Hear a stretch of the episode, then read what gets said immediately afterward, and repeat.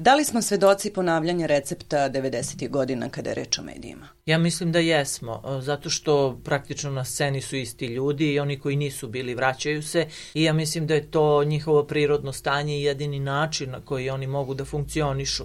Tako da ako nam se vraćaju razne stvari, nažalost, i u tom nekom javnom diskursu iz 90-ih, ako se vraćaju ljudi koji su tada pisali i govorili šta su pisali i govorili, ako najzad je na vrhu te cele piramide Aleksandar Vučić koji zaista ima tu svoju prošlost iz 90-ih, ja prosto svakog dana, nažalost, primećujem sve više znakova koji liče na 90. Poslednji primer je ilustrovana politika i tekst e, Đorđe Martića. Pa Đorđe Martić je taj čovek. Znači, samo da podsjetim, on je bio glavni urednik politike Ekspres koja je tada napisala tekst e, Ćuruvija dočekao bombe, posle čega je Slavko Ćuruvija ubijen na sred ulice. Bogu hvala, novinari se sada ne ubijaju, nije ni to vreme ja mislim da, zaista mislim, možda se kolege neće složiti, da ova vlast nema ipak da kažem, petlju da tako nešto uradi. Ono je bilo ratno vreme i drugo vreme, ali s druge strane sada ima jedna stvar koja je i gora. Slobodan Milošević sebi nikad nije dozvoljavao da izlazi na televiziju i da napada stalno medije, nikad nije sebi dozvoljavao da ulazi sa njima u direktne sukobe, e, nikad nije pokazivao tu pakost, on se nekako držao iznad cele situacije, onako ponašao se, makar da kažemo državnički. Aleksandar Vučić svaku svoju pres konferenciju iskoristi ili da nekoga ponizi ili da omalovaži ili da se sa nekim posvađa ili da skrene priču onako potpuno beskrupulozno na teme koje njemu odgovaraju. I ovde se stvara jedna takva presija, postojimo mi koji smo apologete vlasti hvalimo je na sva usta potpuno nekritički i postoje oni koji nemaju pravo ništa da pitaju, to su neprijatelji koji prosto zaslužuju da se po njima raspali na svaki e, mogući način. Kakve bi posledice toga mogle biti? Kažete ne, ne tako drastične kao u ono vreme, ali šta su danas posledice? Pa znate šta su posledice? Posledice su i povlačenje samih novinara i autocenzura. Ako vi dođete u situaciju da se vama kaže da ste hrabri zato što ste iznali svoje mišljenje, zato što ste pitali nešto, zato što ste tražili odgovore, Ako ih vi ekonomski a, pritiskate i trudite se da ih uništite na svaki način, kako onda mi da govorimo o, o bilo kakvoj normalnoj atmosferi ako novinar ne može da radi svoj posao na normalan način na koji se radi posao? Činjenica da mi o ovome pričamo je dovoljan dokaz da ovde nešto debelo nije u redu. Savetnica za medije predsednika Srbije Suzana Vasiljević navodi da ne razume kakve veze ima kraj 90-ih kada je Vučić bio ministar informisanja sa naslovnom stranom jednog magazina iz 2018. i da je tekst državi zapravo učinio e, najveću štetu. Ona je podnela ostavku na, na, na mesto člana nadzornog odbora politike AD zbog, kako je navela, spornog teksta, ali i da svojim članstvom ne daje razlog za neosnovane napade na predsednika države države. Kako vi tumačite ovaj njen potez? Pa kao prvo jedina stvar e, sa kojom bih ovde mogla da se složim to je da je ovaj tekst državi Srbiji. Pritom ja vlast ne tretiram uh, sa znakom jednakosti uh, uh, uh, da je to država. Ja sam država i vi ste država, mi smo svi država. Tako da je ovo zaista naštetilo državi Srbiji. Ovakve stvari ne smeju da se dešavaju, naročito kad je u pitanju državni medij kojim država i upravlja. To je jedno.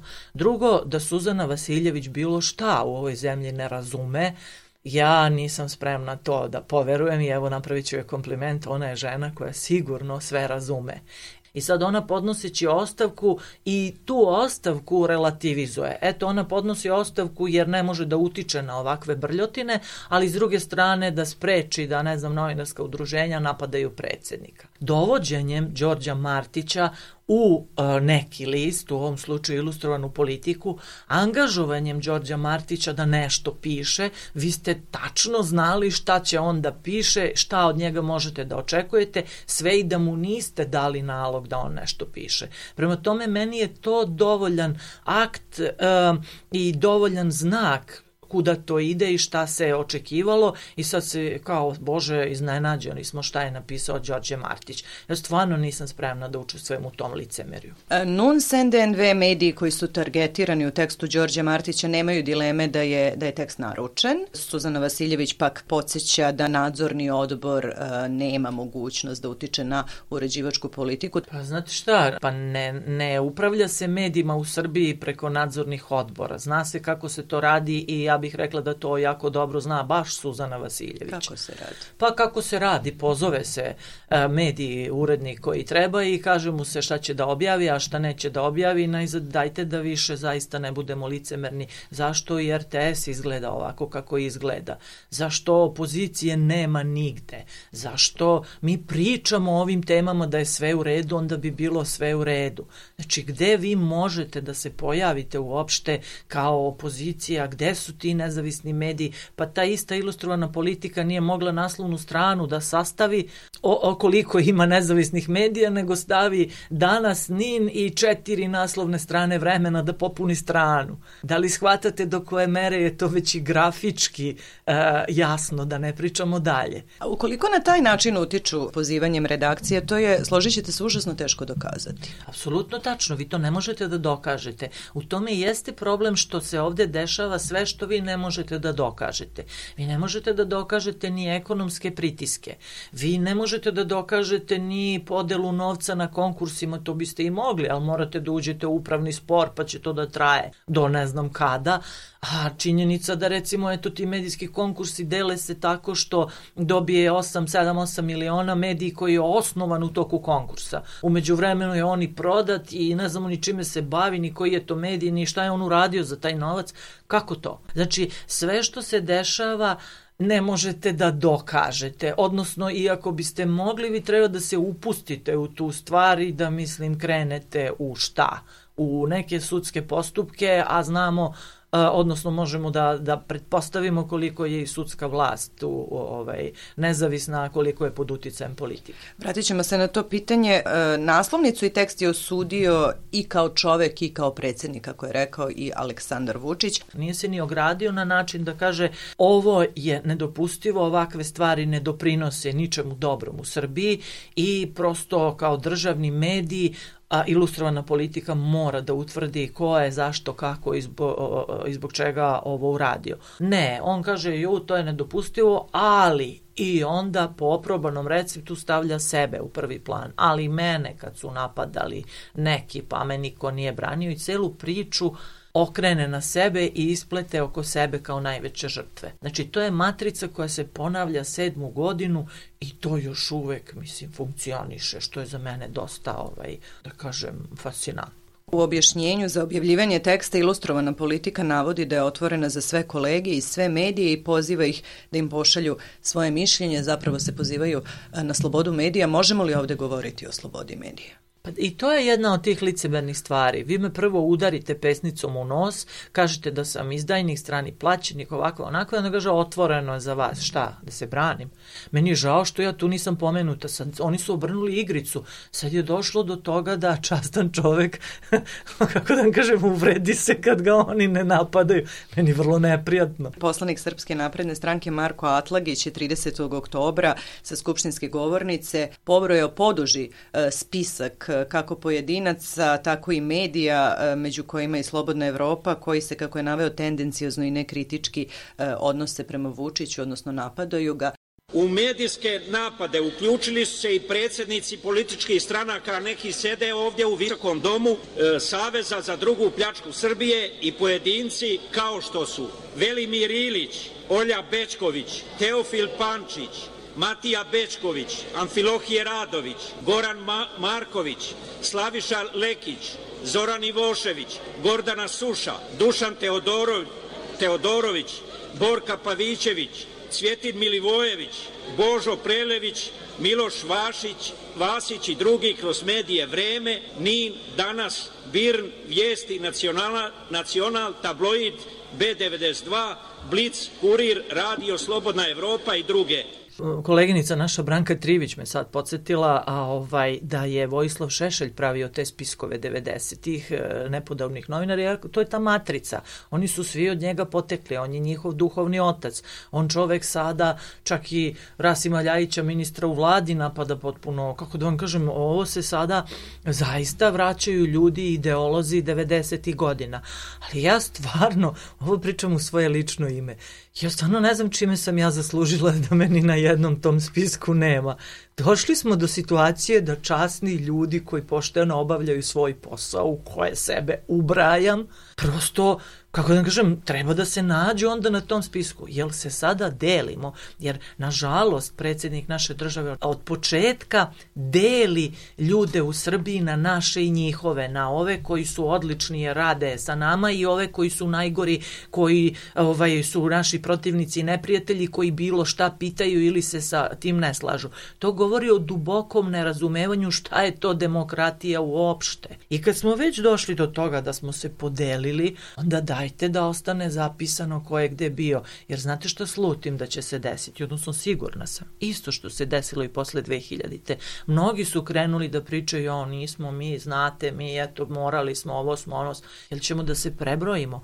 U redu je, ja podržavam, kad je već dovde došlo i došli smo do, ja mislim da smo došli do procesa koji više nije reverzibilan, bojim se da je tako, onda da vidimo gde je ko i sutra kad sve ovo prođe, da se prosto zna gde je ko bio i šta je radio. Kad se setimo i Šešeljevih spiskova i ovih 90-ih o kojima smo pričale, koliko je bezbedno biti sada na, na, na toj drugoj strani? Uvek ne, u ovoj zemlji ne prolazi dobro onaj koji govori. Ali vam kažem, svako od nas mora da se opredeli šta je njemu u životu najvažnije. Znači, potpuno absurdno da ja moram da budem hrabra, da govorim svoje mišljenje, pa to je moje ljudsko, ustavno, kakvo hoćete pravo. Mene je moj otac naučio da ja imam pravo da kažem svoje mišljenje i niko nema pravo da mi ga uskrati. Svako od nas mora da se odluči, hoće li sebi da gleda u oči, hoće li svoje deci da gleda u oči, hoće li da misli na budućnost ove zemlje i te svoje dece, ili će da savije glavu i da ćuti i da ga bude sramota od samog sebe. Ja vam kažem da je upravo Aleksandar Vučić, lično on, pa svi ovi za njim koji se na njega ugledaju, doveo do situacije da se mora napraviti izbor. Svako od nas sada mora da napravi izbor. Ako bi novinari, kolege naše, javne ličnosti, profesori univerziteta, intelektualci, umetnici smogli hrabrosti da kažu svoje mišljenje, ja mislim da se ovo ne bi ni događalo. Ako uspe da učutka i pojavi se pet ljudi, pa tih pet ili troje, četvoro od tih petoro nadrljaju, to je onda najefikasniji način da učutkate sve ostale. Da li e, u ovom slučaju targetirani mediji bi trebalo da podnose tužbe ili bi to negde bio zadatak države po službenoj dužnosti? Pa da tužim ako smo u situaciji kadija ti sudi, kadija te tuži, da odem u neki sudski proces koji će da traje tamo 300 godina, da plaćam advokate, da gubim vreme, da radim šta? Vlast na to računa. Ona dobro zna da je to stvar koju će redko ko da radi. Ja, na primjer, za to nemam ni vremena ni energije i zato sam izabrala da javno podignem glas. Mislim da mi je to efikasnije. E Nemate e sad, poverenja ne, u pravosuđu? Pa nemam, nažalost. Mislim, to je, e, nije to bezrazložno. I drugo, nemam ja ni vremena ni novca da se time bavim. I ne vidim nikakvu svrhu da moja presuda stigne za pet godina, ko zna ko će biti na vlasti za pet godina i čemu to meni služi. A ja treba da gubim svoje zdravlje i nerve. Može ko ima nerava, može i treba treba, ali uviđam koliko to ima malo efekta i ja mislim da i vlast to uviđa i da na to igra. Šta je to što struka može da uradi? Pa znate šta, mi se trudimo koliko možemo. Mi ćemo govoriti i o tome koliko je bilo napada na novinare, šta se s tim dešavalo, koliko je ošte procesuiranih slučajeva, jako malo.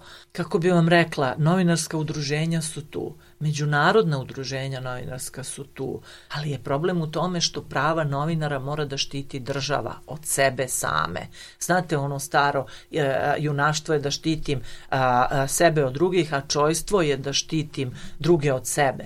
E, ovde tog čojstva nema, apsolutno nema u javnom diskursu sa najviših funkcija pa nadalje i ovde je država ta koja bi morala vlast, dakle od sebe same, da zaštiti novinara i da im omogući da rade. Vratit ću se na, na američku ambasadu. Ovo nije prvi put da e, mediji bliski vlasti udaraju na, na zapadne ambasadore. Kako tumačite njihove reakcije na to? Pa, znate kako, dosta su uzdržani. Ja koliko vidim tu su odnosi promenljivi. Mediji pod, da kažemo, koji podržavaju aktuelnu vlast, američkog ambasadora zovu različitim prezimenom, menjaju slovo, zavisno od toga su ljuti na njega ili su u dobrim odnosima. On je diplomata, mora se ponaša diplomatski.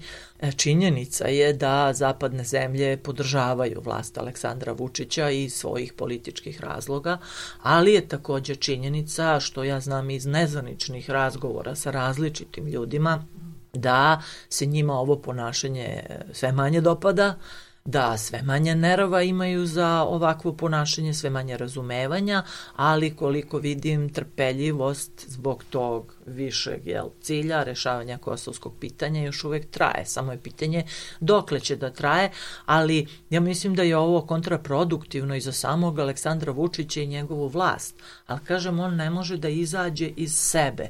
Koliko god on govori sad neke, tako, eto, evropske priče, pa ne znam, um, povremeno ima nastupe koji su državotvorni, on odmah jako brzo sklizne u onu svoju uobičajenu retoriku i prosto on od toga ne može da se otrgne. Imamo jedan slučaj e, u kojem e, su podigli glas aktivisti inicijative mladih za ljudska prava e, osuđeni su nedavno za kršenje javnog reda i mira zato što su se usprotivili tribini na koje je trebalo da govori Veselin Šljivančanin, tribini Srpske napredne stranke. Uz Martića se na velika vrata vraćaju osuđeni ratni zločinci. Pa eto, to je jedna od stvari nad kojima kao čovek ne mogu da ostane hladna, nego moram da počnem da se nerviram. Dokle smo mi stigli kad jedan osuđeni ratni zločinac, pa taman da je nevin osuđen, on je diskvalifikovan da se dalje pojavljuje u javnom prostoru drži čovek tribinu, piše knjige, nemam pojma, on ima nešto nama da kaže. I onda to je u redu, njemu se daje prostor, a mladi ljudi, ja mogu da kažem deca s moje tačke gledišta, se osude zato što se protiv toga bune. Znači sve je nadrealno, sve je okrenuto na glavačke. I sad šta, da idemo u Strasbur, Pa trebaju nam advokati koji su sposobni da, da odu u Strasbur, treba nam novac za to, treba nam priprema. Ko to može? Ja govorim o tome, ovo je moja zemlja. Ovo je sudski sistem od koga ja očekujem da bude normalan, pravedan, logičan. Uslovi e, na kojima Evropska unija ipak insistira za članstvo ti jeste e, e, vladavina prava, pravosuđe, borba protiv korupcije. Sad se čini da nekako pogled iznutra i izvana se mimo ilaze. Pa jeste, mislim, nije niko našao za shodno od predstavnika vlasti da nam objasni zašto je država Vanuatu i Irak, zašto su recimo te dve zemlje skinute sa crne liste FATFA za borbu protiv terorizma i korupcije, a Srbija nije. A premijerka Brnabić je rekla da će do leta da se otklone sve manjkavosti i mi ćemo biti najbolji u tom pogledu. E, zašto Greko kaže da je od 13 stavki koje je trebalo da se poprave šest još i pogoršano? na Doing Business listi smo pali i sad mi pričamo o nekom fantastičnom privrednom ambijentu, o privrednom čudu. A, Vladimir Putin pita Aleksandra Vučića kako si to uspeo i takve stvari. Sad zamislite vi nekog stranog investitora o kojima pričamo i koje očekujemo, pa samo ove tri informacije da dobiju Pa šta će oni da misle? Možete da im dajete te subvencije koliko hoćete. Ozbiljni investitori u ovakvu zemlju neće da dođu. Doći će onaj ko će da iskoristi te subvencije i da ode dalje. Znači, ovo nije zemlja koje se može verovati. Sad ne možete za, za, za prisustvo na listi FATFA da okrivite ni bivšu vlast. Vrlo nezgodno jer je to telo osnovano baš 2012. kad su ovi došli na vlast. Dakle, i onda izaberete da ćutite.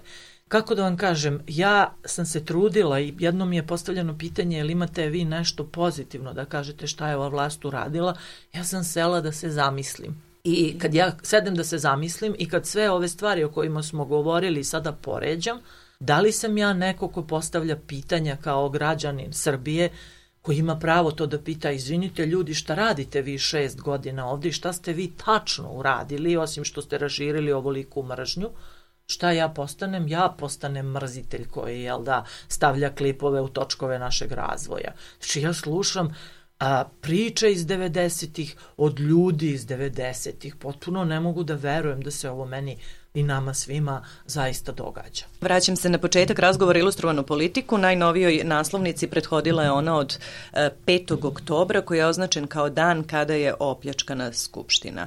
E, koliko je realno da 5. oktobar zaista bude sveden na dan kada je opljačkana Skupština? To, da kažemo, pljačkanje Skupštine, iznošenje tih fotelja, ja sam igrom slučaja tada baš za Slobodnu Evropu izveštavala i moram da kažem da mi je bila knedla u grlu i da su mi krenule suze, to nije bilo ono što sam ja žalela. Ali kako da vam kažem, da sada ceo 5. oktobar, promenu jednog sistema koji je Srbiju uveo u ratove, sankcije, sukobe, bedu, pogibije, svedete na to da je tog dana izneto pet fotelja, deset slika i šta god, je toliko bezočna relativizacija i zamena teza da ja stvarno reči nemam. I drugo, da li je to jedini argument koji sada imate za relativizaciju 5. oktobra i njegovih tekovina? Ako vam je to jedini argument, onda nam to govori dovoljno o, o tome šta se sada dešava. Jer da ste imali jače argumente, vi biste ih valjda i potegnuli.